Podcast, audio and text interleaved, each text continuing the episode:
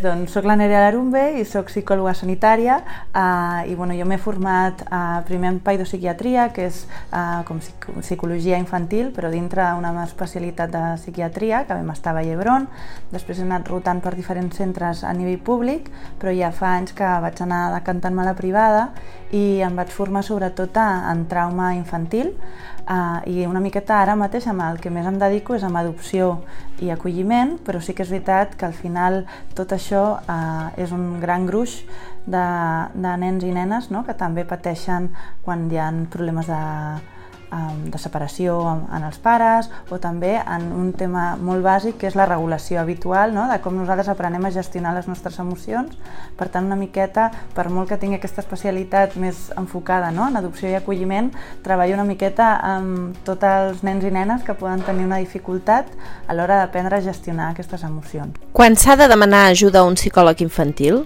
Tenim un, uns pares i unes mares molt implicades, molt més que abans, segurament, a nivell de, de llegir, de tot el desenvolupament infantil, no? Llavors, hi ha tanta informació que a vegades també eh, genera molta angoixa i fa que, que hi hagi molts pares i mares que no saben ben bé si es necessiten o no, no? però sí que normalment venen a les famílies derivades o bé per les escoles o bé perquè tenen una miqueta una situació desbordada a, a casa per el, una dinàmica familiar no? que s'ha anat creixent i s'ha anat fent més conflictiva fins al punt de que no poden més i demanen uh, una mica l'ajuda, no? però sí que cada vegada més jo crec que s'està intentant uh, poder veure no? que els nens i nenes que estan fent un desenvolupament a nivell emocional i que no regulen, com deia abans, no? I, i que fa que no acabin de gestionar del tot bé abans d'arribar a aquest punt crític no? eh, és una ajuda perquè moltes vegades no és tant treballar amb el nen o la nena, sinó és donar unes eines a aquests pares i mares perquè no hem estat educat amb aquestes eines moltes vegades i llavors tampoc hem après. No? Llavors també primer parteix el, el veure si nosaltres ens costa nosaltres mateixos regular-nos per poder ajudar a regular els nostres fills i filles. Quina és la fórmula per posar límits? Sí, molt sovint no? pensem que, que al límit tenim un, un percentatge de la gent no? que li costa posar límits perquè sent que si està posant un límit està repetint un patró autoritari que ell o ella va viure moltes vegades. No? L'altre punt és que posem els límits de manera directa, no? Els posem en un moment que ja estem desbordats nosaltres com a adults. Llavors, eh, la paraula límit a vegades porta controvèrsia per això, no? perquè no, hi ha famílies que jo parlo de límits i la gent pensa que el límit és bo o és dolent, no? i llavors és important entendre que els límits són necessaris. Nosaltres hem de funcionar dintre de d'unes escales on dins d'això podrem pujar, podrem baixar perquè les emocions no són neutres, és a dir, les emocions ens fan a nosaltres tenir pujades i baixades a nivell eh, de regulació, però eh, hem de poder aprendre a tenir recursos per saber quin és el nostre tope. No? El que vull dir amb això és que un nen o una nena de 3 anys faci una pataleta i estiri al terra, entenem que està aprenent aquesta, aquest marge de tolerància. Sí? Llavors, a poc a poc, li hem d'anar buscant estratègies dient-li mira, el que t'està passant és això, és enfado, no passa res, treu l'enfado i després seguim. Sí? Si nosaltres aquesta pataleta la vivim com un atac personal o com una vergonya davant de tothom al supermercat o si ho vivim com una, possi una possible crítica o estem fent malament, automàticament aquest límit que és natural, que ens sortiria perquè és un no et compro xocolata perquè és hora de sopar, no? eh, ho entrem i trenquem aquest límit. Per tant, estem sense voler ensenyant que aquesta pataleta pot aconseguir coses. Llavors, aquí comencem a trencar aquest primer límit, que això jo crec que tothom ha viscut i tothom ha fet, no? si està entorn de nens, perquè tots tenim un aguant. Primer, jo crec que aquí hem d'acceptar que hem d'aprendre a regular-nos a nosaltres com a adults i que un cop anem aprenent, els propis nens i nenes que ens vegin aniran aprenent aquesta regulació. No? I l'altre sí que crec que és important una coherència en l'educació dins de la família. No? És a dir, quan, un, eh, quan nosaltres posem un límit, aquest límit s'ha de complir, perquè eh, si nosaltres posem un límit i després ve un altre adult i el treu, ja hem perdut tota l'autoritat, però sobretot ja hem donat un poder a aquest nen o nena que aparentment pot semblar que, que està content o contenta perquè ha guanyat la batalla, uh -huh. però en el fons li estem generant moltíssima inseguretat perquè no, els, no li estem dient que hi ha un adult que controla o gestiona la situació. Posem una conseqüència o un límit des del jo no m'agrada la conducta que has fet, per això passarà això o per això eh, avui no?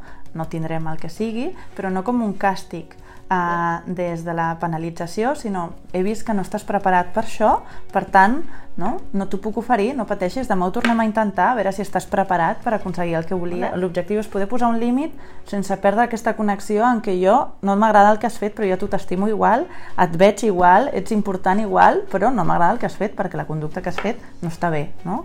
Jo crec que aquest, això és molt complicat perquè eh, requereix una intel·ligència emocional eh, molt alta i requereix un treball personal molt important com a adult que no tothom ha pogut fer o li han ensenyat. Com podem ajudar els nostres fills a ser feliços? Podem fer un treball no? a nivell de... i no a nivell psicològic en teràpia, eh? és a dir, entenc que això és un procés que a les cases s'ha de poder arribar a fer, no? d'anar coneixent-nos a nosaltres, de poder saber què ens enfada, què no, l'estar connectats amb nosaltres fa que puguem revisar molt més i puguem escoltar el que realment ens agrada, no? i puguem dir com, o aprendre a dir-ho d'una manera més assertiva, però poder arribar a descobrir què és el que ens agrada i on en volem arribar nosaltres mateixos. No? I Llavors això fa que al final pugui, cada un pugui anar connectant i decidint què vol dir ser feliç per ell o per ella, no? Tot el que... Clar, és poder atrevir-te a mirar-te, a contenir quan estàs trist, a aprendre com a gestionar l'enfado, la regulació de base farà que puguem arribar a plantejar-nos no? què m'agrada, què no, a mi, no? perquè si no estic regulat o regulada ja no estic decidint segons el que jo penso o, o vull, sinó més des del meu estat de necessitat de que em regulin. No? Llavors jo crec que aquí també una miqueta juguen les expectatives d'aquests pares i mares, no? que és el que volen ells, d'acceptar no? el que pot ser diferent eh, del que vol i, i, i desitja el seu fill o filla llavors aquí, no? una miqueta, el que tothom pugui fer aquest treball de regulació com a base per poder acceptar l'altre, no? també des de la teva frustració de jo volia que la meva filla o el meu fill fes això, no? i ell o ella vol fer una altra cosa, doncs a mi això em frustra, ho accepto, però he d'acceptar l'altre. No? Com treballes amb les famílies i quines tècniques utilitzes? Tenim molt clar que mai eh, treballem només amb el nen o la nena, parlo amb infància, eh? una altra cosa és quan ja venen que ja són majors d'edat yeah. o, o tenen una adolescència més uh, tardia ja, en el sentit de que per molt que visquin amb els pares no sempre podem involucrar les famílies. Uh -huh. uh, quan parlem amb la infància sí que aquí no, involucrem sempre les famílies i, i intentem anar en, en paral·lel en el treball que estem fent amb el nen o la nena, que no sigui una cosa aïllada, sinó que aquests pares, mares eh, o tutors que, que estiguin al càrrec d'aquests menors que puguin estar com a coterapeutes d'aquest procés i llavors aquí moltes vegades requereix un treball personal d'aquests adults, no? com a competències parentals, és a dir, o, o habilitats parentals, és a dir, què m'està costant a mi com a pare o mare gestionar, Clar. això és una banda, però a vegades això detona en coses meves personals que com a adult també tinc i en cas de necessitat es deriva no, a fer un treball més individual aquí. Però des de la part infantil nosaltres sí que treballem molt com a eh, el procés d'aquestes habilitats o competències parentals, no? a on m'estic encallant jo i què, soc, què m'està costant a mi de gestionar quan el meu fill o la meva filla passa això. No? Pues anem a veure per què i anem a veure si podem anar treballant o si cal un treball més intern eh, o més profund no? de cara a aquest adult. Però sempre intentem això, que, que pel nen o la nena ho visquin com que el, els familiars eh, són part d'aquest procés i estan acompanyant-lo en aquest procés com a ajudants en el seu procés de regulació. No? Aquesta, això seria una mica el que intentem aconseguir sempre, que no sempre és viable perquè no tothom es vol involucrar a aquests nivells. Eh?